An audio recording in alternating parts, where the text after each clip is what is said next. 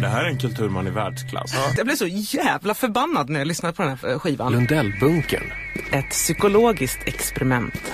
Och nu ska vi sitta i en liten ring. Alltså de här jävla titlarna. Vi lyssnar på alla skivor som Uffe Lundell har spelat in. Sen pratar vi ut om det. Är det lika mycket brudar och korv på den här skivan som på första? Eh, ja, men det är det. Välkomna till Lundellbunkern. Det är inte så jävla potent i nuet, men det har varit jävligt potent. Och det Det ska är... ni veta. Vi finns där du hämtar poddar. Jag håller på att bli galen utav det här. En podcast från Aftonbladet.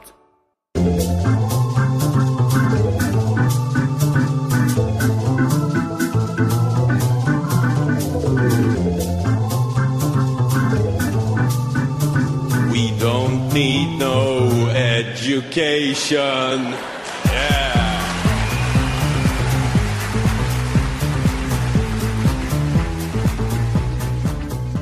Varmt välkomna till årets sista avsnitt av vår vinstdrivande flumskola. En folkbildande podcast som görs i samarbete med Aftonbladet Kultur. Och var passar det bättre att avsluta höstsäsongen än på Socialistiskt Forum på ABF?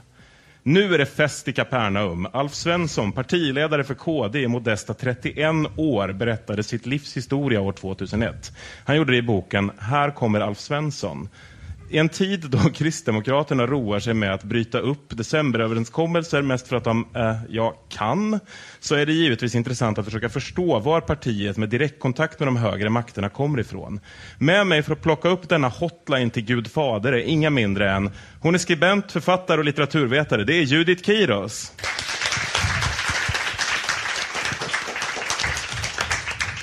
Han är punkare som senast förra helgen kunde ses utföra sitt värv i bandet DS13. Välkomna skribenten Kristoffer Röstlund Jonsson.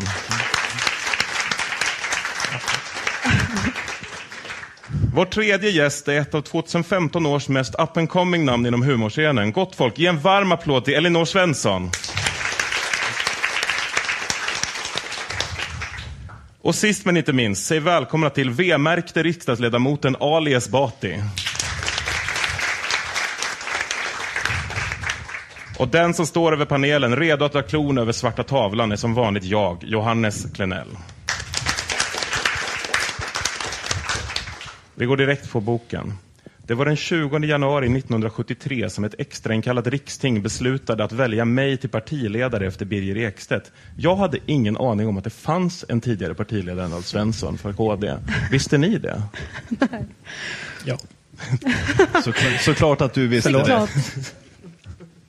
Valet föregicks av flera timmars debatt. Folkets hus i Stockholm var fullsatt. Jag visste att det fanns en liten falang som tyckte att det var helt fel att välja mig till ordförande. Några hade ambitioner och andra var mer objektiva i sina kritiska funderingar. En tandläkare, Holger Lindberg i Stockholm, ansåg att jag var alldeles för ung och opålitlig.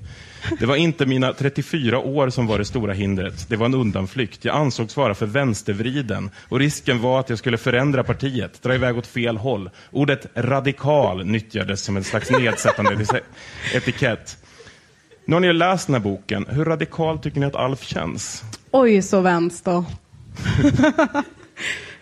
Men är radikal ordet ni skulle använda om ni skulle beskriva Alf Svensson? Det är väl snarare hans humor som vi kommer att komma till längre fram. Hans putslustiga humor gällande bildekaler är väl ganska radikal. Den ligger helt i linje med 80-talets Hobbex-katalog, som i och för sig ingen här minns kanske. Men Alf Svensson lär ju minnas det. Vad säger du Judith? Ja, men, radikal i relation till vem, är frågan. För att den här boken handlar ju om att Alf Svensson träffar på kanske hundratusen människor som heter Levi och Bengt. Ehm, och i relation till dem kanske han är lite radikal. Alltså man får ju ändå, han är ju extremt bra på att namedroppa. Hur många sidor är registret med personer i slutet, liksom bara på vilka sidor de förekommer. Det är ju enorma mängder gubbar i den här. Det är den gubbtätaste boken jag läst sen Biggles. Alltså, jag, jag anar ju en lite nedsättande och sarkastisk ton här. Ehm, men eh, jag måste säga att jag, jag tyckte att det var eh, stundtals en ganska rimlig och kul bok. Eh, och jag tycker att Alf Svensson faktiskt är, särskilt i början när han liksom börjar beskriva det här partiet, eh, mer eh, vänster eh, än vad man skulle kunna tro. Definitivt mer vänster än det som den här liksom Djingis khan-vändningen som har ägt rum i Kristdemokraterna nu på, på senare tid. Liksom. Så att, så att, nej, men, jag tycker, men sen så är det ju så att man tycker inte bara att han är rimlig för att det kommer ju plötsligt det kommer lite rimlighet och sen så plötsligt kommer någon så här dagis Tourettes då, alltså att han hatar förskolan så himla mycket så han måste skriva det så, här, så man förstår ju att han inte bara är rimlig. Men, eh, men, eh, jag, jag tycker vi skulle behöva någon referenspunkt till vad du tycker är kul i övrigt i Jag vill att också kunna- prata att om det. ja, men, eh, Hur alltså, mycket om man tråkigt tänker- lever du varje Du tycker att, dag? det, Nej, du tycker att jag deklar, refererar ju naturligtvis- deklarationstider är som en karneval eller? Nej, jag refererar naturligtvis enbart till Flumskolan-böcker. Eh, det, är ju, det är de enda böcker som jag tar del av. Då. Alltså, och då, och då, eh, då är det faktiskt en av de eh, mindre tråkiga liksom, gubbeskrivningarna. Som, som, alltså, man, om man läser något som, som, eh, som Reinfeldt har skrivit eller Per Schlingmann har skrivit så är det här helt sprudlande av anekdoter. Allt är ju relativt. Och visst stod det också mina unga 34 år. ja, okej. Var Dels, det, nu vill jag inte vara så här, oh jag är ung och fräsch, jag ser ner på alla som är äldre. Men unga 34 år, ett, han har nog aldrig varit 34 år i sitt huvud. han har nog alltid varit lite 100 år. Och två, ja. alltså det enda som är ju radikalt, som som Kristoffer sa, det är ju det är vitsandet. Och det är inte så, jag har hört värre på den senaste veckan bara. På scen i Stockholm? eller? På scen i podd bland annat. Och eh, det finns, det finns att plocka. Många var övertygade om att partiet var en intressegruppering, att man behövde intyg från någon frikyrkopastor eller att man måste åtminstone visa dokument som styrkte flitigt kyrkobesökande för att kunna vara medlem. Alltså Svensson gör ju någon sorts distinktion mellan att vara kristdemokrat och att vara kristen. Fattar ni den distinktionen riktigt? Nej. Jo, men, men eh, eh, det, det, alltså, det är klart, att se på Kristdemokraterna nu, det är inte så att det, man tänker så här, kristen, eh, så sammanfattas det med Sara Skyttedal. Det vore ju förfärligt. Den första valrörelserutten 1973 gick bland annat till Karlskrona. I Höglandsparken skulle flottans musikkår spela. Så skulle jag tala. Mitt framför talarstolen stod Sven William Håkansson med sina textade plakat som förkunnade att KDS var den stora skökan enligt Uppenbarelseboken. Det- Det är hyfsat ös i KDS. Alltså det där är ändå helt fantastiskt. Det är ju ganska länge som man använder ordet sköka i en politisk debatt i Sverige. Jag skulle bring it back. Ja, men jag undrar vem den här Sven William är och varför han inte återkommer i boken. Han är ju liksom kristenhetens ABF-gubbe plus. Det är så? Ja, det måste ju vara så. Men måste jag, han- jag vet måste inte vem han- måste är, han- men, men liksom... Måste han inte ställa in en fråga då? Jo, nej, ja, man måste inte det. Jag vill Alltså- att han ska återkomma i boken och återkomma live. så, med en skylt idag bara, stå- hora! Stå längst bak i salen, Ja. visa dig nu eh, och hålla upp sin skylt. Verkligen, han har en frisk fläkt. Det här är ju återkommande i boken att Alf Svensson listar ju lätt så här 50 olika torgmöten han varit på. Varje möte så dyker upp någon och han namnger dem, någon som står och skriker. Så han har ett fantastiskt minne för folk som skriker okvädningsord åt honom genom hela livet. Det spred sig i riket att den där Alf Svensson var nog ett olyckligt val och att det gällde att vara på sin vakt. Alltså, Svensson pratar mycket om ödmjukhet, men han håller ett rätt bibliskt tonläge om sig själv i hela boken. Va? Liksom, det spred sig i riket. På den här tiden hade KDS, KDS inte ens 100 000 röster. Alltså, Ja, men alltså, Alf Svenssons martyrkomplex är imponerande tycker jag i den här boken. Det är liksom, ni kommer ju aldrig läsa den här boken. Eh, förmodligen. Eh, förutom de som känner aning som kan bli påtvingade det här. Men eh, i hela boken så handlar det om att han möter olika gubbar som är mer eller mindre fientligt inställda mot honom. Under hela den här perioden går Alf Svensson omkring och tänker Åh nej, varför är alla så elaka mot mig? Varför tycker inte folk om det jag säger? Jag vill ju bara att folk ska hata förskolan lika, lika mycket som mig. Det är liksom om och om igen.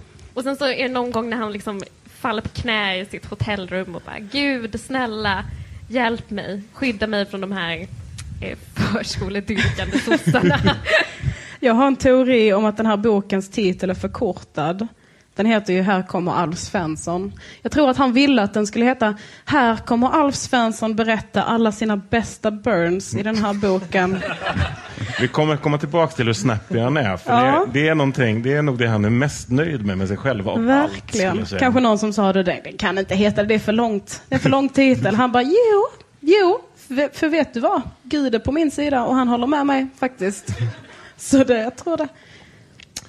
Två nära nog legendariska kollegor till min far begrep situationen. Det var Göte Klintenberg och Georg Gustafsson. Återkommer inte i boken ska sägas. De ringde nu och då, inte för något annat än att uppmuntra. Göte Klintenberg avslutade ofta sina kärnfulla och korta samtal med orden Jag ska dra i bönelinan för dig. Jag är inte speciellt troende, men låter inte det där misstänkt likt sexuella trakasserier? Om han hade avslutat med, om du fattar vad jag menar. Alltså inte det där bara någon sorts knarkreferens? Ja, jag ska dra en bönelina. Ja, precis. Eller straight edge. Att det är så ännu super Nej, jag tror att de, de kan få vara rådekadenta och bibliskt dekadenta, men det här är mellan raderna som de kommunicerade vad innebar. Men liksom så här, om någon skulle säga och där satt Göte Klintenberg och drog i bönelinan. inte fan skulle man tro att det betydde något annat. Nej. Jag tror att vi bara är desperat efter lite sexuell spänning i den här boken om jag ska vara ärlig. Men han, sa, han skrev väl också i boken, det var ingen annan som fattade referensen, men det gjorde jag. han bara, you go. you go Alf Svensson. Sent en vinterkväll 1940, jag var mellan ett och två år, hände detta. Jag kräktes och mamma begrep att nu var det bråttom. Pappa var på en utpost och hade möte i något kapell eller storstuga i en intilliggande socken. Vad skulle en mor med två små barn isolerad i en liten tvårumslägenhet ta sig till en iskall vinterkväll på en liten glesort? Mörkläggning rådde och bilarna stod utan däck. Däcken hade krigsmakten tagit hand om. Pappa Robert tog, fram sin, fram, tog sig fram på cykel och utpostmötet i Greby låg långt från telefon, som låg, låg, låg långt från telefon kunde bli sent. I en familj som vår var det naturligt att i en sån situation ägna sig åt bön. Mamma har flerfaldigt gånger berättat att hon sa Vi lär be till Jesus att han hjälper oss och att pappa kommer hem snart. Jesus finns där borta i kroken, påstås jag ha svarat. På en skala från 1 till 10, hur högt Jesuskomplex har Men alltså Alf var han inte två år? Ett till två år så säger man ju inte någonting. Nej. Alla minst säger att Jesus lurar kring hörnet.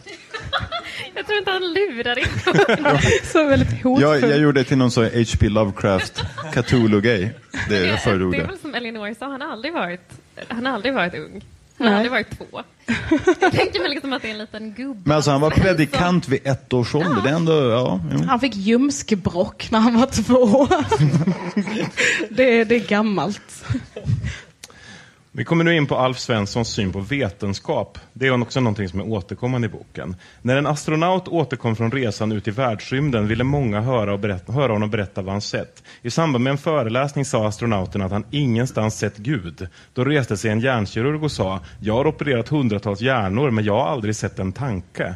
Alla borde kunna tillstå att det existerar en värld som vi med våra sinnen omöjligt kan uppfatta. Och leder inte detta till ett mått av ödmjukhet? Om inte är det förvånande. Själv erinrar jag mig hur häpen jag blev som pojke då jag förstod att hundar kunde höra det jag med mina öron absolut inte kunde uppsnappa. Alltså är Alf Svensson någon sorts juggalo?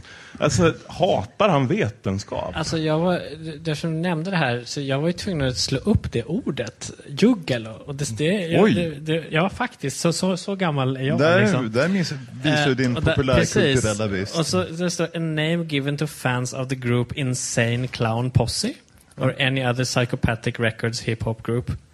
Och they, Juggalos have developed their own idiom, slang and characteristics. Alltså det är alltså Kristdemokraterna man pratar om. Ja. Men de Jag har ju till och med en låt som Ja. jag tycker låter extremt kristdemokratisk som heter Miracles. Ja, men det är ju den låten de Fucking magics, fucking- nej. magnets, how do they work? Yeah, Ja. fucking magnets, how do they work? Och så säger de typ såhär, miracles everywhere up in this bitch. De ifrågasätter alla vetenskapliga grejer och bara undrar hur det funkar. Och det är väl lite... Ja, ja. Men, eh, Men det är en så fjantig beef också. Det är ingen som har sagt att, att Gud är på månen. det är väl ingen som har påstått det. Man bara, oh wow, en hund hör en visselpipa. Det måste finnas en Gud. ja, eller ett annat Visst, åt, visst återkommer hunden och visselpipan på en annan ställe också? Att han är förundrad över det igen, att hundar hör visselpipor för människor inte. Gör du det? Ja, jag är ganska säker att han återkommer till det igen. Så det Eller var det så spännande att du läste om Ja. den biten? Jag Eller märkte. zonade du ut och in igen? Ja. I Hillerstorp såg jag för första gången en saxofon. Det var en norrlänning som hette Tore Nilsson som spelade. Återkommer inte heller i boken. Jag fastnade för tonen och började försynt undra om jag inte kunde få en saxofon. När jag var 11 år köpte mina föräldrar en begagnad altsaxofon av märket Con för 375 kronor på avbetalning. Titta. Jag har inte hittat några exempel där Alf Svensson faktiskt spelar saxofon, men tror ni han valde det instrumentet för att det är ens det syndigaste och sexigaste instrument en god kristen kan spela på? Men vad menar du med att du inte hittade några ex- alltså det är Inga ju- ljudklipp. Jaha, jag tänkte så här, hela, hela mitt 90-tal är ju präglat av Alf Svensson som spelar saxofon Mm. i alla möjliga sammanhang. Jag önskar att du hade använt all din Photoshops magic till att ta den här saxofonspelaren från Mad Max Beyond Thunderdome och satt Alf Svenssons ansikte på den muskulösa kroppen med nitar. Det där är alltså Alf Svensson. Eller? Ja. Ja. När han är, när han är, när han är 34 år. År 1952. Ja, nej, men jag undrade faktiskt samma sak, eh, Johannes. För att jag tycker ju också att saxofon är det kåtaste instrumentet man kan spela. Det är något äckligt med att köpa en begagnad också, eller hur? Man spottar ju rätt mycket i den, tänker jag. Men det luktar säkert gott. Det kanske är saxofonen som är bönelinan. Oh. Eller så önskar han att det var det. Konstigt sagt. Ett brev från centralt håll lästes upp, i vilket det föreslogs att församlingarna borde teckna en försäkring för sina pastorsfamiljer. Den skulle fungera så att om någon av makarna avled skulle 5 000 kronor, jag tror det var den summan, utbetalas till den kvarvarande. Som 12-13-åring satt jag där och lyssnade. En ur äldstekåren, så kallad styrelsen i en pingstförsamling, begärde ordet och påtalade att det inte tedde sig rimligt. En predikant ska leva av sin tro. Gud tar hand om både honom och familjen. Är det det här som kallas kristdemokratisk socialomsorg? Vad mätt man blir av tro, va? det betalar hyran. Men han, han har också skrivit att, eh, att synen på eh, hemmafruskapet är orättvis. För min mamma hade det jättebra. Man bara, ja, fast när du höll på att dö så hade hon inte ens en cykel. det, ja, det är inte så tryggt kanske. Och just det här som han skrev om också nu, det är inte jättetrygg tillvaro som beskrivs om pappa Robert dör. Mm. Gud förbjude. Så, eh, ja, Men det gick ju bra. det gick bra för honom. Ja, annan. Någon mer positiv vinkel? Varför bildades KD då? Jo, år 1963 ägde en namninsamling rum för kristendomsämnets bevarande på gymnasiet. Det var en spontan aktion. Under relativt kort tid samlades över 2,1 miljoner namnunderskrifter in. Regering och riksdag ryckte på axlarna och struntade helt i denna unikt omfattande opinionsbildning. Professor Viktor Svanberg återkommer inte heller i boken, som själv karaktäriserade sig som bekännande ateist, skrev också under uppropet. Jag hade hört att Levi Petrus, återkommer i boken, ville starta ett kristet parti, men han ansåg att en förutsättning var att kyrkoadjunkt Birger Ekstedt då åtog sig att bli ordförande. Petrus och Ekstedt hade lärt känna varandra i en lobbyverksamhet. Kristet samhällsansvar, KSA. KSA hade som målsättning att verka för att personer med uttalat kristen tro hamnade på valbara platser. Alltså, nu är det här tidigt 60-tal. Hade inte typ 60 procent av Sveriges befolkning uttalat kristen tro på den tiden? Men alltså 2,1 miljoner underskrifter, hur många bodde i Sverige? är, är inte det typ 50 procent av Sveriges befolkning? Som- Fake, fake. Jag tror att han har fejkat siffrorna där. Han flyttade på nollan. Jag tror han bara suttit och skrivit Alf Svensson om och om igen, för ingen som kontrollräknar. Jesus, Gud, heliga anden, Alla lärjungarna namn. dyker upp. Men det, är- det är ju ändå så här, man kommer ju tänka på att det är, liksom, är, var en tid då det fanns någon slags liksom radikalitet eh, i att vara, gå till storms mot, mot, mot religionen på ett sådär liksom hardcore eh, sätt. Nu idag är det ju, om man ska liksom vara sån där jobbig predikande ateist så fram, blir man ju lätt så här en idiot som Richard Dawkins eller någon, någon annan liknande, liknande typ. Så det är, lite annan, det är ju lite annan eh, tid, kanske mer, mer som stod på, på spel, men ja, jag vet inte. Eh, det var ju, eh, det var ju liksom 60-tal, så det hände ju mycket, mycket grejer eh, och sen så liksom fastnar de där. Det är ju lite synd. Han, han återkom, han är ju ganska bitter över 60 och 70-talet överlag, över att Det var de radikala strömningarna. Han gillade inte rock'n'roll-eran. Jag älskar den här scenen, jag vet inte om du kommer ta upp den, när det är, han har på sig en röd tröja. Nej. Och så, Kör. han, han har på sig en röd tröja och så kommer han till ett vandrarhem som man ska bo i. Ett hostel eller någonting liknande. Och så är det liksom kvinnan som jobbar där bara mhm, tittar på den här röda tröjan och han bara inser att hon tror att han är kommunist. Där. Och då är det som att han, mig. han måste signalera lite så här diskret att han inte är det. Så hon bara, det där var en röd tröja. Säger någonting i stil med, mm, men det är ju för att jag är med i den här ungdomskommittén. Och sen så är det typ att hon tror att han säger ungkommunistkommittén eller någonting. Så då blir det så här jättekylig stämning och sen någon annan dag säger han så här, nej, nej, haha, jag är kristen, jag hatar kommunister. Och då, är, då blir de kompisar. Alltså det bisarra det bisarra är ju ändå att han var partiledare i 30 plus år. Han skriver det här är mitt liv och han lägger ändå ganska många tecken på att beskriva att han hade en röd tröja på sig. När han var ute och typ vad, tågluffade. Så många gånger när man tänker, hade jag skrivit en bok hade jag nog inte haft med alla de här obetydliga beskrivningarna. min Ingen, vill veta vart du köpte din tröja, Alf Svensson. I tal och skrift underströk partiets ledning att kristen demokratisk samling inte var konfessionellt, att partiet inte avkrävde någon en trosbekännelse. Men verksamhetsformer, ordval och mötesarrangemang tydde i regel på att något annat. Beteendet var konfessionellt. Det var inte alltid enkelt att urskilja ett politiskt möte i KDS regi från ett gudstjänst. Det här tänkte jag lite på. Svensson pratar hela tiden om att KD inte på något sätt är förbehållet kristna. Men verkar det inte vara som liksom rena rama livets ordfästen på de här mötena hela tiden? Jo. I wish, för då skulle de åtminstone ha talat i tungor. Mm. Ja, verkligen. Alltså Livets ordfesten var ju ett jävla ös. Där folk föll upp i spasmer och blev hela. Det här är ju ingenting sånt. Carola är ju inte ens med i den här boken. För de hade ju lite så här kollekthinkar och sådär och då var han så här, vi vet ju att det är dåligt rykte för oss eftersom vi ses som så gudstjänstiga. Men det var ju så kul. Man kan ju inte låta bli. Det är lite gulligt. Ganska många Grännabor infann sig. Stämningen var tryckt. Det ansågs allmänt att KDS i synnerhet fördärvade för Folkpartiet. En av de ledande i Folkpartiet mötte oss i trappan till hotellet och utbrast vasst. Måtte Gud ta hem Levi Petrus. Men porten, den är trång. Porten, den är trång. Elias Setson la huvudet på sne och sa stillsamt. Ja, det är så sant, så sant. Och den är lika trång för oss alla. Burn. Är det inte något väldigt förnumstigt över alla Men alltså det där, vad betyder Alltså, Alltså riktigt, förlåt, men förstår jag det. skrattade jättemycket. Och jag slog mig så här på knät också dessutom. Så att Men det där är ju inte ens en comeback. Vad, är, vad är skämtet? Ja, men jag fattar. Vad är, vad är skämtet? Skämtet är att alla ska dö. Särskilt den här folkpartisten. Det är ju det som är skämtet. Okej. Så det är både lite roligt och lite elakt. Jag tycker inte man ska vara någon dera, men... eh, men Men är det inte ganska extremt att när folkpartisten står och önskar livet ur liksom en pingstledare på väg in i liksom där de ska in och prata? ja, men det, det, det är så, så går det till i folkrörelser.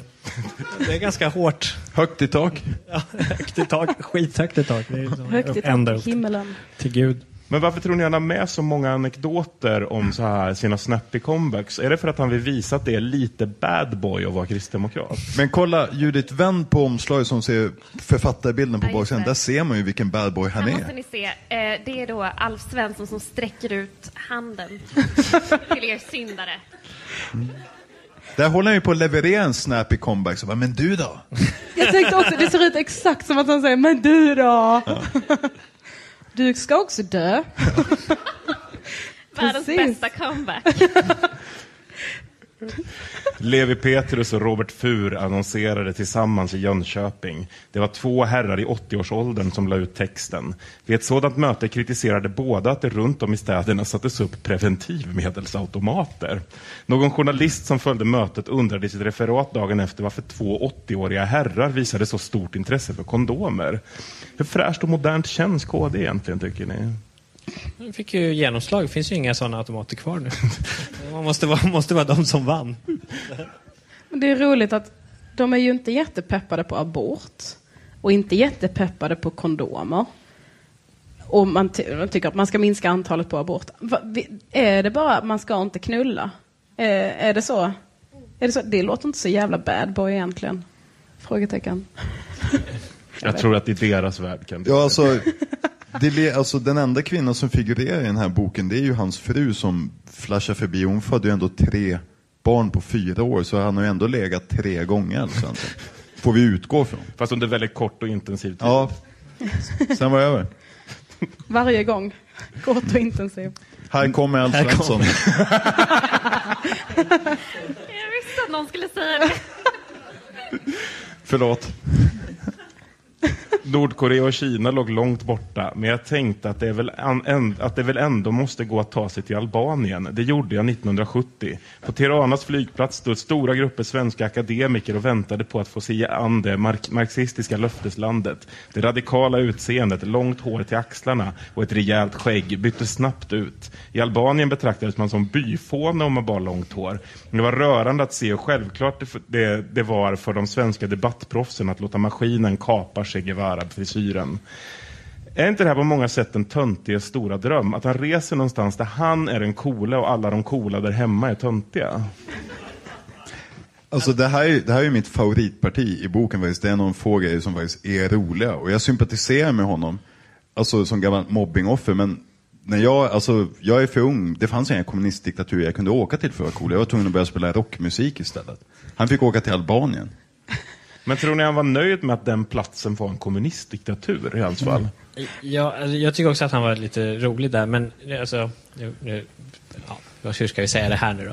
Jag är inte Albanien-kommunist, men Det där säger du det, är, vä- det, det är faktiskt väldigt bisarrt eh, när han liksom drar igång och ska säga att hela den här problematiken då, i den här liksom hårda, märkliga kommunistdiktatur ha, har ju att göra då, eh, det sa du inte, det har ju att göra med ateismen.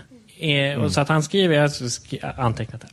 Albanien fick ateismen inskriven i sin grundlag. I vilket europeiskt land har vanvettet blommat ut så påtagligt efter världskrig? Så man tänker så här, jag kan nog komma på en del mer vanvettiga saker som har hänt i Europa efter kriget än att någon fick för sig att skriva in ateismen i någon så meningslös paragraf i, i, i grundlagen. Då. Och han fortsätter bara, han skriver kommunismen slash ateismen. Det vore någonting för statsvetare och demokratiforskare, han sätter demokratiforskare inom citattecken, att analysera och utreda hur ett land som Albanien kunnat rutscha ner i den djupaste förnedring och hopplöshet. Och då tänker man två sak. Är det verkligen så att det är liksom vad som hände i länder som Albanien är, hör till de saker som inte har analyserats och utretts i samhället, men ingen har pratat om det. Och det andra är, var det verkligen så att liksom Paschadömet Albanien verkligen var ett liksom värdighetens och hoppets eldorado eh, före och under den tyska och, och, och italienska ockupationen. Men sen kom ateismen och då, då blev det liksom rutschkana ner i elände. Eh, och det var liksom att man skrev in ateismen i, det var det som liksom utlöste allt, allt elände. Sen, sen blev det ju bra. Som det är nu. Nu är det skitbra. eh, när de inte behöver vara ateister längre. Nu kan de spela pyramidspel. Ja, precis. Så det är, det är super uh, gudfruktigt. Jag gillade den här delen i boken mest för att den var så spännande. Det var, ju- det, det var kanske där han visade mest känslor och hade använt sig mest utropstecken. Det är också hans backpackerperiod. Ja, Det är hans The Beach. Sen nästa gång han reser, det är ju när han åker till USA och träffar Reagan och går på jättestora bönemöten och äter frukost. Jag är djupt imponerad. Men var han cool i håret då också? Nej, det var han ju inte. Hey, I'm Ryan Reynolds. Recently, I asked Mint Mobile's legal team if big wireless companies are allowed to raise prices due to inflation. They said yes. And then when I asked if raising prices technically violates those onerous two year contracts, they said, What the f are you talking about, you insane Hollywood ass? F- So to recap, we're cutting the price of Mint Unlimited from $30 a month to just $15 a month. Give it a try at mintmobile.com slash switch. $45 upfront for three months plus taxes and fees. Promo rate for new customers for limited time. Unlimited more than 40 gigabytes per month. Slows. Full terms at mintmobile.com. Vid ett av de första sammanträdena då jag skulle tjänstgöra ställde sig en inflyttad direktör och folkpartist framför mig. Och runt oss stod alla de övriga ledamöterna. Det är sån jävla mobbig stämning hela tiden. Och sa med nasal stämma. Du Svensson, kristendomen må väl vara bra? Och så slog han ut med armarna. Men hur ser ett kristet reningsverk ut? Ja, sa jag. Det ska jag omedelbart tala för, om för er om. Ni först, om ni först berättar hur ett liberalt reningsverk ser ut. Om det är ett sådant som släpper igenom lite av varje. Oh! Ja. Jag skrattade och slog mig på knät. Men dog den här vitsigheten ut med Ebba Busch Thor? Bra, för nu, nu är det så här, ja, om någon, någon skämtar så bara kommer det så här, eh, eh, två artiklar och 13 Twittermeddelanden som, är, som, som bara fördömer den personen och, och, och skickar liksom rasistsvansen på dem. Så att, Men inte så jag tycker det var bättre inte, förr på det sättet. Är inte Skyttedal som har tagit över vitsigheten, eller? Burn, burn-grejen. Ja, jo, det är ju det. Mm. Och det är ganska obehagligt faktiskt. Du tänkte hon står och poserar på en israelisk stridsvagn. Ja, det, det var inte så vitsigt. Burn. Burn. Nu kommer vi till mitt favoritstycke. Vid ett tillfälle när vi satt runt köksbordet kom jag att uttrycka mig förfärligt dumt om en person. Håll i hatten. Den enda person som inte namnges i boken dessutom. Han är lika urblåst i huvudet som en celluloiddocka, sa jag. Sonja hyschade och jag insåg att det var ett rejält övertramp. Ett par, tre år senare när vi satt runt samma bord klämde Pamela i om en pojke som på skolgården betett sig osympatiskt. Att han är lika urblåst i huvudet som en celluloiddocka. Jag hade då att be om tillgift för ett mycket dumt uttryck. Vi beslöt att sortera bort det ur familjevokabulären. Var tror ni liksom gränsen går för rimliga förelämpningar i huset Svensson? De önskar ju livet och andra människor. Så att det... Nej, men det här var ju helt obegripligt för mig. Jag förstod ingenting. Jag sa det till Ali innan att den här boken fick mig känna mig väldigt osvensk för att kanske 75 procent av referenserna bara går över mitt huvud.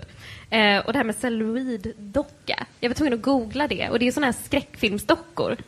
Ni vet som så här Mm. brukar blinka långsamt i skräckfilmer samtidigt som läskig musik spelas. Eh, så jag vet inte Va? riktigt varför. Nej, Nej, jag vet inte vad det är. jag, jag, vet inte heller Men det brukar ju vara, ni vet, det brukar alltid vara någon scen... Ah, Jag köper det. du fattar? Ja. Det brukar vara så här att de, de filmar, de zoomar in på några dockor och så kommer så här lite läskig, så här plinkande musik. Och sen kanske en av dockorna vrider på huvudet. Hela varvet tror För jag. tror inte att det kan ju inte finnas en biblisk referens. alltså det, det måste ändå vara Det är lite- Och det är därför det inte är okej. Det är menar inte så här, den stora skökan slash celluloiddocka. Det är inte- Men dottern hade ändå ruvat på det i tre år innan hon sa det. Ja, jävla sån, Hon bara, den där ska jag spara. kroniskt min passiv biografi. aggressiv stämning. Nej, men alltså just att det där, alltså om hon ändå kom ihåg det i tre år, det måste ju vara det värsta hon har hört. Alltså lite som så här, när, när, när jag brukar liksom så här, lära min brorson fula ord när han var tre år gammal, för man det räckte bara med att använda dem en gång. Eftersom det var något som var så fult så fattade den ungen det på en gång. Men, men Var det här något ni gjorde väldigt systematiskt? Ja, ja. Det låter så. Jag tänker att det är Sonjas fel. Eftersom det var ett kristet hem så borde allt vara fruns fel. Mm. Och hon hyschade ju honom när han sa det. Hade hon inte gjort det så hade inte barnet fattat att det var en stor grej. Så eh, att, eh, ja, sköka. Kristdemokraterna har förändrats. Det politiska programmet, uttrycken och ståndpunkterna är inte de samma som de var 1964 då partiet startades. Det skulle vara obegåvat om ett politiskt parti inte lät sig påverkas av vad som hänt under 35 år. Alltså jag har bara en fråga. Var det verkligen så jävla begåvat att förändras riktigt så här mycket? Hela den här liksom Skyttedals KD-generationen nu, det är ändå rätt annorlunda va? En likhet jag ser, eh, på bilderna på kristdemokrater i den här boken har alla glasögon. På den här bilden, nästan alla glasögon. Utom Skyttedal. De väljer att bevara det viktiga. Synfel. Det finns ju inte en, det finns ju inte en enda referens till starkvaror i hela boken. Och Det dricks ju inte en droppe alkohol i boken heller, så att det har ju verkligen rutsch- rutschat ut för, för KD. Men jag tror, är det inte så? Jag, jag tror väl att det är därför som jag känner ändå så stor sympati för Alf Svensson. För att det är ju liksom det här som är Hans som är arv. kontrastverkan. Och, det, och man tänker, han framstår ju, och jag tänker på han skrev den här artikeln ganska nyligen när han skulle liksom mitt i allt den här vanvettet skulle liksom prata om att det, man skulle tänka på människovärdet och asyl och sådär som ju var eh, tydlig peak mot eh, sitt eget, sitt eget parti. Han framstår ju lite som så här the dude liksom. Eh, ganska soft eh, snubbe som ändå tycker lite grejer om människovärde jämfört med de här. Så då, då kanske det smittar av sig att man liksom skrattar lite mer välvilligt åt hans roliga skämt också. Är det han och Blondinbella som börjar ta avstånd från sina partier? Ja, de kanske kommer starta ett nytt parti tillsammans. Åh, vad jag hoppas. Eller har en podd. Jag skulle lyssna skratta och så. Oh, skratta. Traska till knä. Det är hon som förolämpar honom och han som gör snappy comebacks. Celluloiddocka. När jag valdes till partiledare 1973 trycktes det ett litet häfte. Bättre att ge en tia för mycket än en för lite. Inget annat var att vänta än en hel del syrliga kommentarer till en sådan rubrik. Jag tänker, det har hänt en hel del sedan dess för när rubrikerna numera är Börstor, kommuner ska få förbjuda tiggeri. Jag menar, på den här tiden så är det ändå Svensson är ju liksom så här, när han pratar om både om liksom så här att man ska hjälpa folk i andra länder när det kommer till liksom fattigdom det, det, är liksom, det är ju ändå en inställningsförändring som har kommit där. Ja, men absolut. Det var ju, alltså, det, jag, jag känner mig så supergammal nu. Det, är- det är ju ditt fel, eh, Johannes. Men, men, men eh, det var ju så att, att eh, till och med när de kom med i liksom Bildt-regeringen 91 så hade de kvar lite av det här att de skulle vara det det moraliska samvetet och inte på ett sånt där liksom eh, USA-hycklande sätt bara, utan också så här, de faktiskt brydde sig om att det skulle ges bistånd eh, och så och slogs för det och, och faktiskt tyckte att man eh, inte skulle typ så här, eh, straffa folk för att de var, de var sjuka. Allt det där har ju liksom ändrats ganska fort och ganska mycket och det, det pratar han ju inte, om jag ska vara lite seriös, det pratar han ju tyvärr lite för lite om. Alltså, han, I början så märker man att det är ett annat parti. Han, det, han, han har en anekdot när någon, han blir uppringd av någon från SAF som liksom, eh, frågar, för de har röstat på ett visst sätt i kommunfullmäktige, eh, om, eh, och, och röstat med sossarna. Då, då ringer någon från SAF och säger så här, har ni blivit planekonomer och kommunister? Och då förklarar han att Nej, men vi har röstat så här för att annars så skulle massa så här gamla städare bli arbetslösa. Och då säger den här SAF-snubben, ja, ja, men då ska ingen skugga falla över, eh, över eh, eh, Kristdemokraterna. Nu skulle jag, om det var någon från Almega som ringde nu och sa samma sak, då skulle de, då skulle de ju svara så här, då är ju ännu värre! För det är klart de ska bli arbetslösa, det är hela poängen. Alltså, eh, och, och i den kontexten så har ju liksom Kristdemokraterna också, också rört på sig och sen så hamnar de i plötsligt då i den allra värsta och mest galna eh, liksom, eh, ja, fåran. Så att, och det, men det reflekterar han inte över, eh, eh, och, utan han drar lite vitsar istället. Och det är klart, det är, det är en brist med boken. När KDSK, partiets kvinnoförbund, höll sin årsstämma i Gävle den 23 april 1994 kunde jag inte låta bli att utgå från bibelberättelsen om äktenskapsbryterskan. Berättelsen kan passera utan att skapa många sekunder av eftertanke, men om man vill meditera över den så erbjuds stora möjligheter för till självreflektion. Mästaren svarade inte de skriftlärda. Han nyttjade tystnaden, den pedagogiska pausen. Han säger varken att kvinnan ska stenas eller inte stenas. Hur kan det ha gått så snett att vi i kristenheten idag skaffat oss ett rykte av att vara fördömande och fingerpekande? Alltså, kan inte en av anledningarna vara att när Alf Svensson ska tala inför sitt kvinnoförbund för första gången så håller han ett tal om äktenskapsbryterskor och konstaterar att det var varken rätt eller fel att stena henne? Det är så här, bra kristens fingerspetsgefühl. ja. Nu ser i alla fall Alf Svensson ett riktigt brott begås. På pendeltåget till Södertälje och Hall när vi passerat Älvsjö dök fyra uniformerade SJ-kontrollanter upp på vagnen. Lotta och jag satt mitt i vagnen. I, I ena änden satt en pojke i 17-årsåldern. Kontrollanterna bad att få se våra biljetter. Det var enkelt avklarat. Men ynglingen hade tydligen låtit bli att köpa sin biljett. Där satt han nu ängslig och utpekad. Makten stod hukad över honom. Det är enkelt att huta åt och läsa lusen av den som ertappats. Man såg rädslan i ynglingens ögon. Han reste sig upp för att komma undan. Då kopplades greppen. Armar och ben låstes. Pojken ropade ”Släpp mig!” Med hjälp, med hjälp av en mobiltelefon kontaktades någon. Vid Tumba fick ynglingen lämna vagnen omringad av den uniformerade gruppen. Vi får vidare mot Södertälje och Hall. Jo visst, han hade brutit mot reglerna. En vanlig uppfattning är att man får skylla sig själv. Där finns anledning att fundera över vilken inställning denne pojke får till myndigheter om åtgärderna var de bästa för att få honom att komma på rätt spår igen. Var det kristen etik och moral att koppla greppen och låsa armar och ben? Var det ett uttryck för kristna värderingar att läsa lusen av dem? Jag är helt övertygad om att hade någon av de uniformerade satt sig bredvid ynglingen på tågsätet, lagt armen om hans axlar och med vänlig röst och vänliga ögon förklarat att man måste betala för sig. Och att han säkert förstod detta, så hade insatsen varit större av större framtidsvärde. Och du vet ju att detta är mitt jobb, att se till att allt går rätt till. Och jag vill ju egentligen inte sätta dit dig. Men du kan väl lova? Och så ett handslag. Man får ändå ge honom att han har så här bibliska proportioner på sina dagdrömmar. Va? Jag lovar att han drömmer att konduktörerna skulle vända sig till honom och säga Ska vi stena den här pojken? Det är varken rätt eller fel att stena den här pojken. Må den som är utan biljett kasta den första stenen. Men visst är det ändå liksom, alltså igen om man jämför med de här personerna som nu liksom driver det här partiet.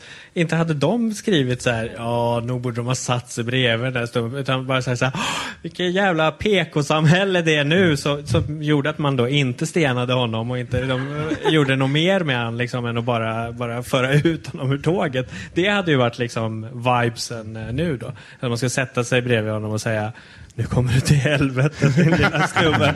Eller så. Det hade ju varit liksom eh, Ebba Busch Thors liksom, preferred way of action. Liksom. Nej men det håller jag med om faktiskt. Jag håller med om att han blir sympatisk sådana här stunder, absolut. Eh, speciellt när man tänker på det faktum att så här, Ebba Busch Thor, nästa, nästa grej kommer vara Bör biljettfuskare kastas ut framför tågen går vidare? Skattade du och slog dig på knät att han fick in eh, att de var på rätt spår? Nej, men nu kan jag göra det. Oh, också att detta skulle avslutat med ett handslag. Det känns lite bibliskt också bara. Lite handpåläggning där så kommer du veta att du ska köpa en biljett nästa gång. När, var, när, när, när på året var det? Novemberöverenskommelsen. Alf Svensson hamnar i pressen och han tar lite bilder. Han får ett telefonsamtal. Jag minns inte riktigt hur samtalet ebbade ut, men när jag några minuter därefter stod och talade i solhettan på det öde torget satt funderingen om utvikningspojke i bakhuvudet. Tidningen fanns ännu inte i handen, så jag hade ingen aning om hur det såg ut. Efter Säffle-framträdandet for vi till Karlstad. Där hade vi något evenemang tidigare ägt rum, så vi kunde nyttja en uppsnickrad talarstol. Ganska mycket folk var samlat. Det var en vacker sommarkväll. När jag väl börjat mitt anförande trängde sig en herre fram till estraden, knöt näven, hötte och skrek ”Fascist! Fascist!” Jag försökte med vänliga ord få honom att tystna. Jag undrade om vi inte skulle kunna talas vid efter det att jag hållit mitt anförande. Jag har varit med i spanska inbördeskriget, ropade för full hals och fortsatte ropa ”Fascist!” Det är inte alldeles enkelt att ha funderingar runt utvikningsbilder i bakhuvudet, en gastande åhörare ett par meter från talartribunen och samtidigt inbilla sig att folk lyssnar och tar till sig. Story Alltså hur skulle folk kunna veta att han går runt och tänker på utvikningsbilder? Men är det liksom, inte det? men är det liksom alltid någon som ställer sig upp och skriker åt Alf Svensson så fort han gör någonting? Det verkar så. Här har vi utvikningsbilden. För här gör han ju också en han comeback tyngre. då. Varför har de skrivit det? Det jätteelakt. Men han var ju Men det här besviken. är en remake på den va? Ja, precis. Ah. Eh, 1999, men eh, det är hans eget ungdomsförbund. Men det, var, det är väl också en snappy comeback att folk började håna den här bilden. Den började dyka upp på internet och då valde KDU Att köra en normkritisk version av det. Hade de internet 99? KDU? Varför, varför tror du att det är internet? De har inte internet idag. Jaha, där. Nu, ja, www.kdu.se en ja, ganska stor Jag ledtråd.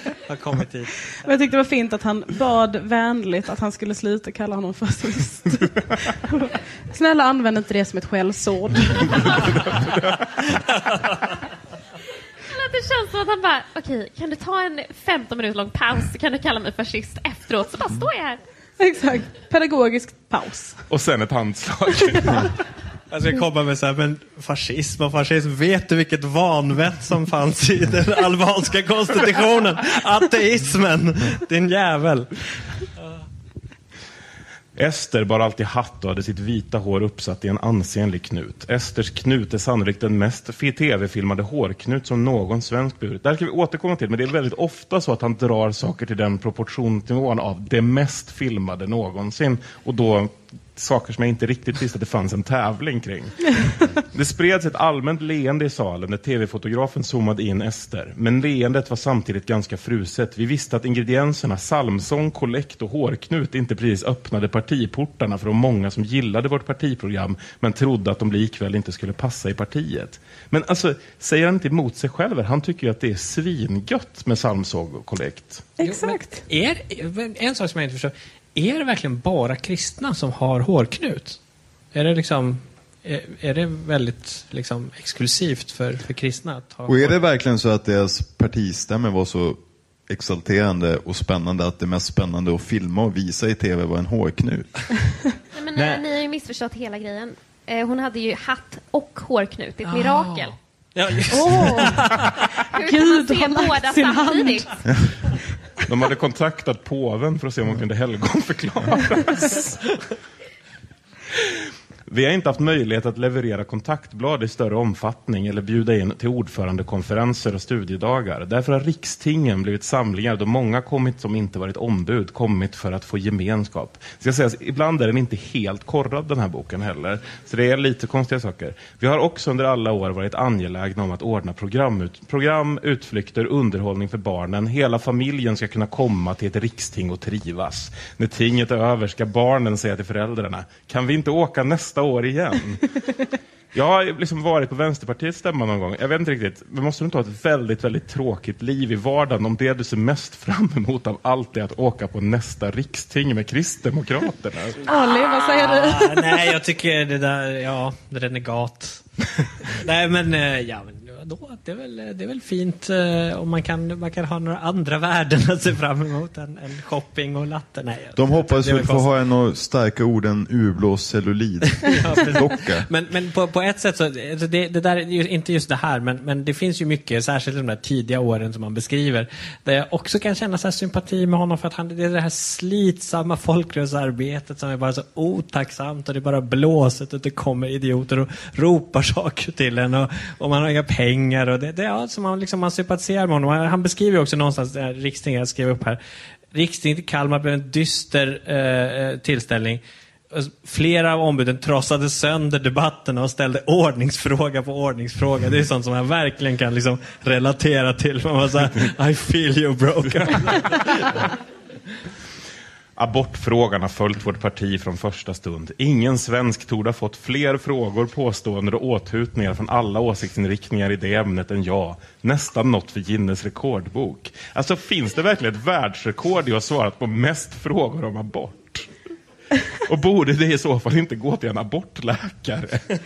Eller en kvinna som är orolig att hon är eh, gravid men inte vet än och redan där får en så här föreläsning av vårdpersonal att hon inte borde göra abort. Som fortfarande händer idag. Jag tror att det är lite vanligare än stackars, stackars Alf Svensson som har fått så många frågor.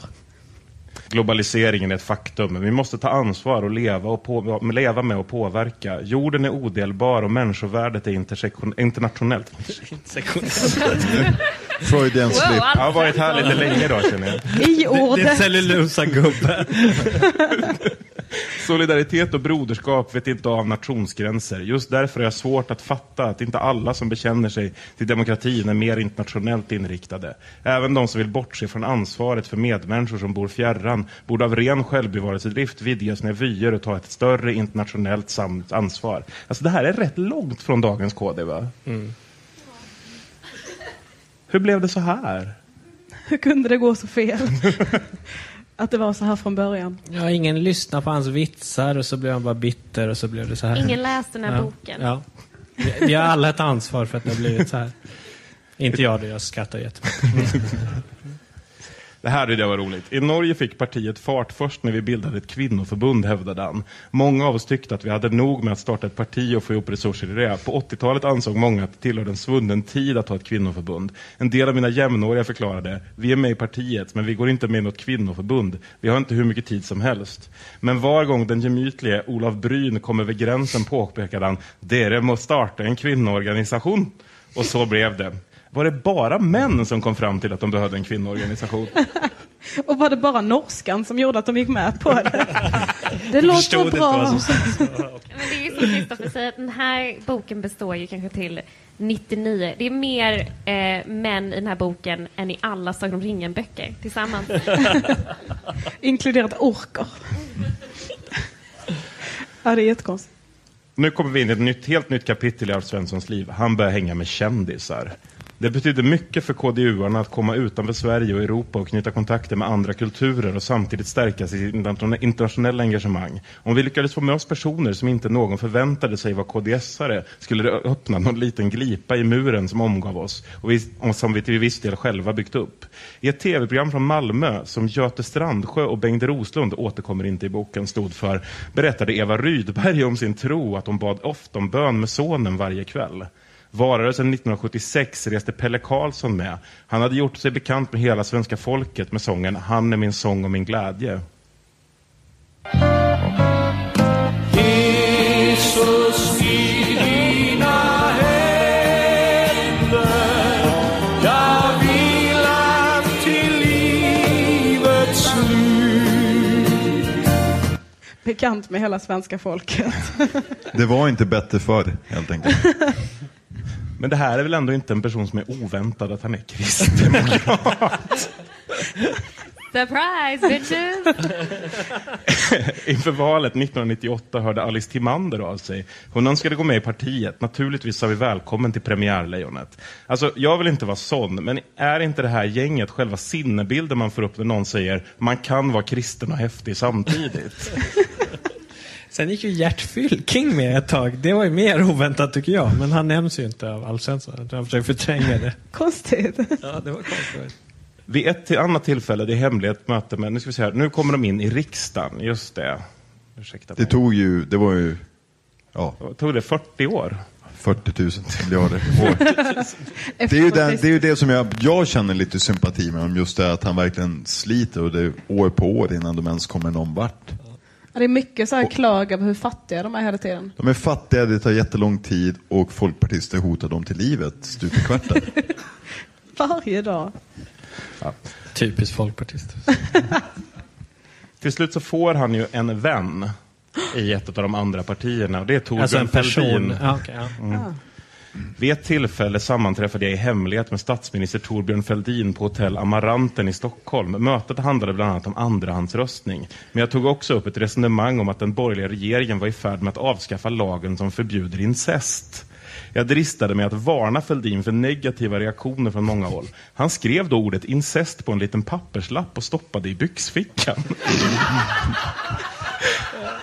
Så varför gjorde han det? Ja, kan detta är ju liksom så här, om man hade velat läsa Torbjörn Fälldins memoarer om detta. Eh, för, för om man ser framför sig så många liksom, händelser som skulle kunna ske. Tänk om Fälldin skulle bli liksom, ja, man har så här inre gränskontroller till exempel. tänk om man- tänk och om han blir stoppad och eftersom det naturligtvis inte är någon rasprofilering så skulle han kunna bli stoppad eh, också Fälldin.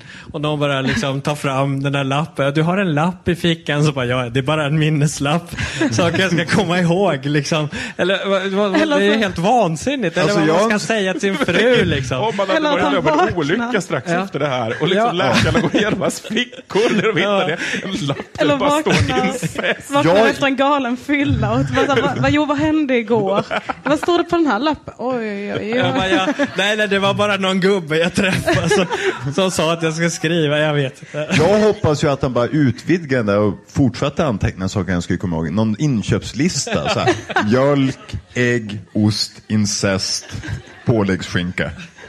Men varför försökte ens den borgerliga regeringen av eller liksom, Han förklarar aldrig varför de ville... Avskaffa lagarna mot incest. Han förklarade aldrig varför han inte ville legalisera det heller. Oh, sant. Men det, det, är så, det är så märkligt för det är liksom som att Alf Svensson är lite så här. Jag dristar mig till att påstå att om inte jag hade sagt det här till Torbjörn Fälldin så skulle vi ha levt i ett helt annat typ av samhälle idag. Tack vare den där lappen i fickan. Alf Svensson, last line of defense för laglig incest. Alltså. Det är faktiskt hans tagline. Nu kommer Göran Hägglund in i bilden. Han ska köra Torbjörn Fälldin hem till Alf Svensson. Göran Hägglund som då arbetade som ombudsman i Jönköping hade skämtsamt förhört sig om det kunde vara acceptabelt att han tog bort en partidekal som satt klistrad på bilens bakruta. Du är närmare KDS än du tror. Alltså, man brukar ju säga att Gud har humor, men skulle ni säga att KD har det? Jag skrattade. Kan inte du, kan du översätta skämtet? Alltså, det, det är så här, när, såna här, om du kommer så här nära så är du för nära. Det är liksom det som är skämtet. Folk som kör bil har den typen av humor. Jag vet inte, jag har inte körkort. Men... Så if you see the sign you're too close. Det är det. Så om du ser den här skylten, är du för nära KD? Ja. Jättekonstigt. Då är du kristen om du kör eh, dåligt.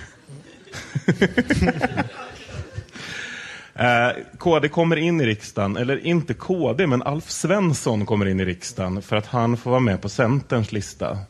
Eh, och Hurra! det här, som jag förstår i boken, Sjöka, förlåt.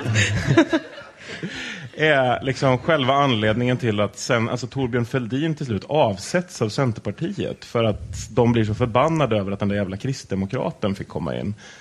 Eh, men Alf är inne i riksdagen på det sättet och då skriver han Min sympatiske bänkkamrat, folkpartisten Carl Johan Wilsroy, för övrigt den enda folkpartist som Alf Svensson har något gott att säga om, var en av de cirka 40 ledamöter som kom och lyssnade. Carl Johan var den riksdagskamrat som jag hade trevligast med. Hans humor flödade ständigt. Det kunde gå så långt så att vi tillhördes av andra i kammaren att inte skratta så högt. Birgit Friggebo åtog sig att lugna ner vår stämning vid något tillfälle. Alltså, är det så här i riksdagen? Typ som Friggebo som får Bara vara med tjejen. kristdemokrater och folkpartister. Som får, hon får vara tjejen som bara sätt, de sätter vid den stökiga killen i klassen. Vad vill du lugna dem lite? Vad tror ni de snackade om? Vad var det för vitsar de Jag kan inte ens föreställa mig vad som pågick där. Jag tror bara att han var så himla himla glad över att någon inte skrek fascist på honom. Men är har det- gett ut, gett ut egentligen en sån här bok tillsammans av våra bästa vitsar. 1001 glada vitsar av Alf Svensson och en Kristna folkpartist. Översättning av Alis party. Förklaring. Förord. Nu får Alf Svensson vara gäst hos Hagge. Och det blir klurigt må ni tro.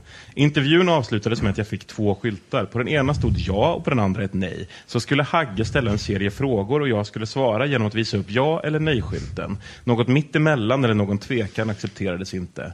Jag kommer bäst ihåg frågan, får jag ta hunden med mig in i himlen?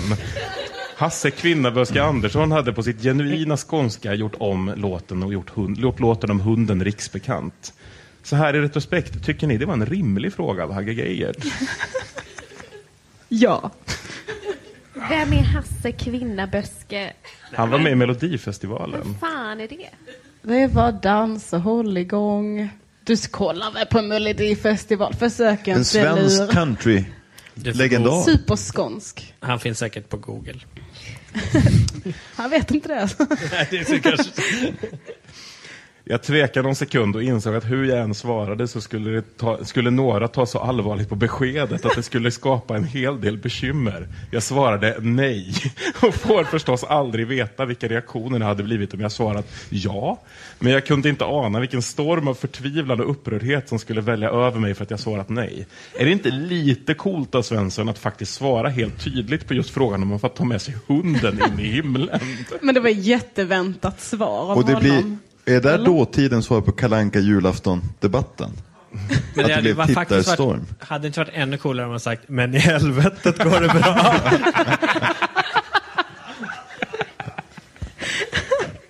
Men hade han sagt ja så hade det ju varit en ganska stor grej, tänker jag. Det här var ju den lätta vägen. Tycker Mm. det hade, hade varit ball av honom att säga ja. Alla djur är välkomna i himlen. Utom kvinnor. Kanske. Nu träffar han Hyland. Vi fick slå oss ner i en soffa utanför sovrummet. Det finns trevligare sätt att framleva sitt liv på än i en hotellsvit. Hyland satte sig mitt emot oss, spände ögonen i mig och sa Du är således Sveriges komeni. Jag hade hunnit få upp garden och svarade Om jag är Sveriges komeni, då är du Sveriges Idi Amin. Idi Amin var Ugandas president och diktator. Hur snappy är det egentligen att jämföra honom med Lennart Hyland? men, men, men alltså, jag tänker ändå så här, det var lite coolt för att kan, kan du tänka dig liksom Fredrik Reinfeldt om man skulle liksom bli förolämpad av någon, alltså, någon, alltså Lasse Kroner och säga så här, du är fan Assad. det, det hade han ju inte sagt. Sånt överlämnade han till sina vad det, pressekreterare som ringde och var det, ville kastrera Radiotjänst och sådär. Ja. Idi Amin åt ju ändå Nej. folk. Han var ju kannibal. Jag tror inte Hyland var kannibal, så jag tycker inte det är en rimlig jämförelse fortfarande. Han kanske hade en lapp i byxfickan där det stod kannibal. Kannibalism. Om det inte hade varit för Alf Svensson hade kannibalism varit lagligt. I alla fall på SVT. När jag nu valts till riksdagsledamot fick jag en liten lägenhet i en fastighet som riksdagen äger vid Tyska Brinken. Efter ett par tre nätter kom beskedet att jag måste flytta ut. Nu skulle jag bli statsråd och då fick jag inte bo i en riksdagslägenhet. Var skulle jag bo? Det var inte något som vare sig riksdagsförvaltningen eller regeringskansliet hade något ansvar för. Jag bad till Gud. Det hade jag lärt mig från barnsben och bläddrade i tidningarnas annonssidor. Alltså, är bön verkligen att bedriva en fungerande och seriös bostadspolitik? Alltså detta förklarar hela de här Attefallhusen och hela liksom KDs period som eh, faktiskt ansvarig för bostadspolitiken under den borgerliga regeringen. Så att, eh, du finner rötterna i den här boken. Alltså jag brukar ju be till Gud och gå in på Blocket. Bostad. jag vet inte om det är effektivt, men det kan ju inte skada. Tystnaden lägger sig över rummet. Ja, det kanske är lite mer begripligt att be till Gud för att få en lägenhet i Stockholm idag än vad det var för 20 år sedan. Det kan jag hålla med honom om. Men jag Oj, vet oj, oj, inte. Nu är vi på slippery slope här i teologiska frågor. Men det låter lite som det låter lite som studentlägenhetssituation också. Mm. Bara, "Ha, nu är jag klar här. Nu är jag, ja, jag har ingenstans att ta vägen. Drar i bönelinan.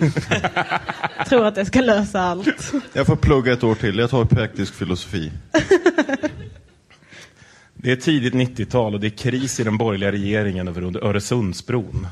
Olof Johansson hade bestämt sig. Han skulle under alla omständigheter säga nej till bron. Det var förstås orimligt att inte förhandla i botten. Vid varje överläggning kom Olof Johansson med nya bruna kuvert, ett till oss var. Carl Bildt och jag sprätte våra kuvert med en viss uppgivenhet. Bengt Westerberg verkade alltid, li- alltid vara lika nyfiken. Vid ett tillfälle utbrast Bengt, jag blir så förbannad! Jag trodde han hade ilsknat till på innehållet, men så fungerar inte Bengt. Han blev arg på sig själv för att han inte fattade innehållet. Han utgick från att allting måste skulle begripas, men så var det nog inte i detta ärende. Vid ett tillfälle när Olof avlägsnade sig for Carl Bildt upp i sin fulla längd. Sedan tystnad lägrat sig några sekunder och ropade Jag är statsminister! Och så tåg han ut ur rummet för att be sin sekreterare Mona Geimel att ringa till miljödepartementets rättschef för att beordra honom att komma till Rosenbad för att förklara inlagorna. Är det verkligen så här tramsigt i den politiska toppen? Det kan jag varken bekräfta eller dementera. Han namnger Carl Bildts sekreterare i sin biografi. Det Jo, men han ha. måste, alltså, det är väl den en av två kvinnor som Ja, nämns. Bechdel-testet. Han, han kvoterade in henne, Carl Bildts sekreterare. Men vad var det i de här kuverten? Alltså var det så att Olof Johansson hade olika rebusar? Som han delade ut för att, liksom, för, Det var väl olika- för att skapa, psyka motståndaren? Ja, men jag var- tänker att det är Olof Johanssons svar på så här arga lappar på stan. att det bara står obegripligheter om Öresundsbron. Och jag tycker så här historiskt sett är det ganska rimligt att det kan ha varit så. Ja. Jag gillar också att han reser sig i sin fulla längd. Carl Bildt. Låter väldigt hotfullt. Jag är statsminister. Här kommer Carl Bildt. Det har påståtts och skrivits att jag tycker synd om mig själv och kräver medömkan när jag berättar om valrörelsen 04. Inte alls. Men jag kunde inte ana att det i Sverige kunde sätta så mycket ovilja och så mycket samstämmig antipropaganda på fötter. Det var inte rent spel när Socialdemokraterna bestämde sig för att försöka tippa Kristdemokraterna ut ur riksdagen. Är inte allt detta tillåtet? Jo, absolut. Har inte andra partier också utsatts för liknande? Säkert. Så ringer Sonja. På alla bussar i Jönköpingsbygden hade SSU köpt reklamplatsen bakom busschauffören. Där satt nu en stor affisch med bild på Sonja och mig med texten När vi anställde pigan och drängen fick frugan mer tid för sängen. Alf Svensson och KDS i riksdagen betyder dåligt betalade pigjobb. Alltså jag har aldrig varit något större fan av skämtande sossar, men på en skala från 1 till 5 roliga sossar, hur kul var den här kampanjen egentligen? Jättekul. Nej, var är det? Vilken valrörelse var jag här? 94. 94 så. 04 var det va? Ja. Det kan inte vara 04, det var ingen valrörelse 04. Det var 94. 94 måste det Ja, vara, precis. när de, eh, alltså, det var ju nära att de åkte ur också. Så. Men de gjorde inte det. Vad gjorde KD själva för kampanj idag? PG Lundberg som varit marknadsdirektör på Expressen och jobbat med tv-reklam kom in på banan. Han fångades av partiets program. Det är ju detta jag letat efter, sa han. Och så finns det. Han föreslog att vi skulle göra en annons i vilken jag satt klädd som en munk. Så blev det. Jag vill, jag vill veta... ostreklam. Jag vill veta om det var bakverket eller...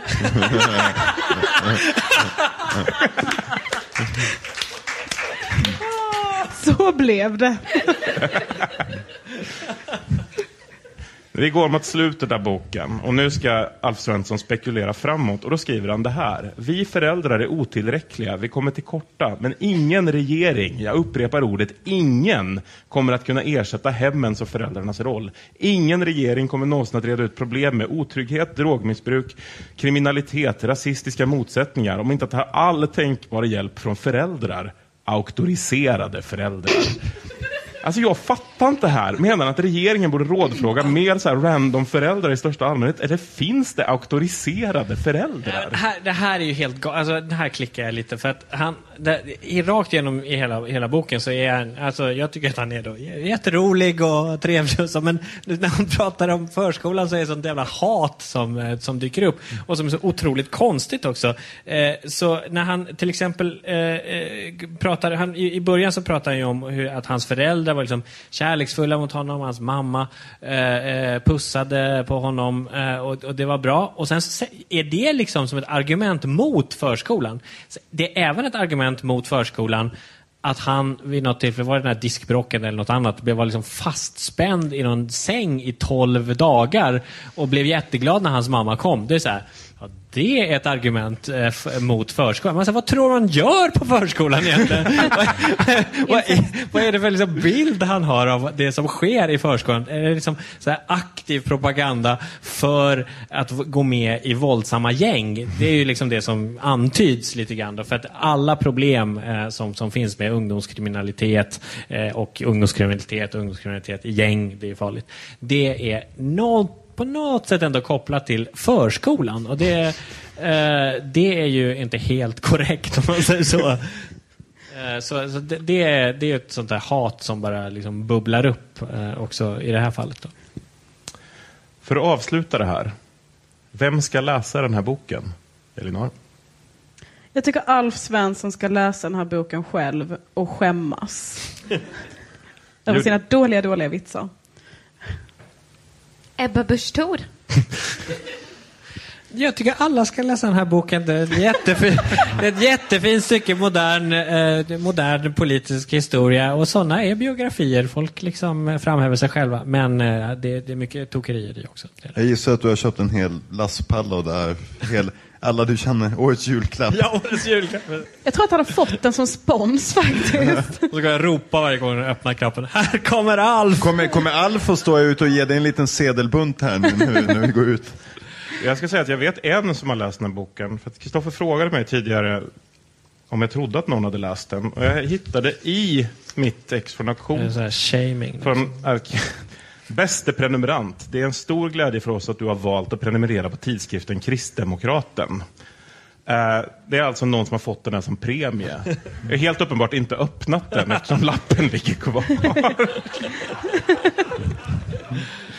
Kristoffer, vem ska läsa den här boken? Jag vet, någon som är väldigt trött på livet. Vad har ni lärt er av att läsa den här boken då? Elinor?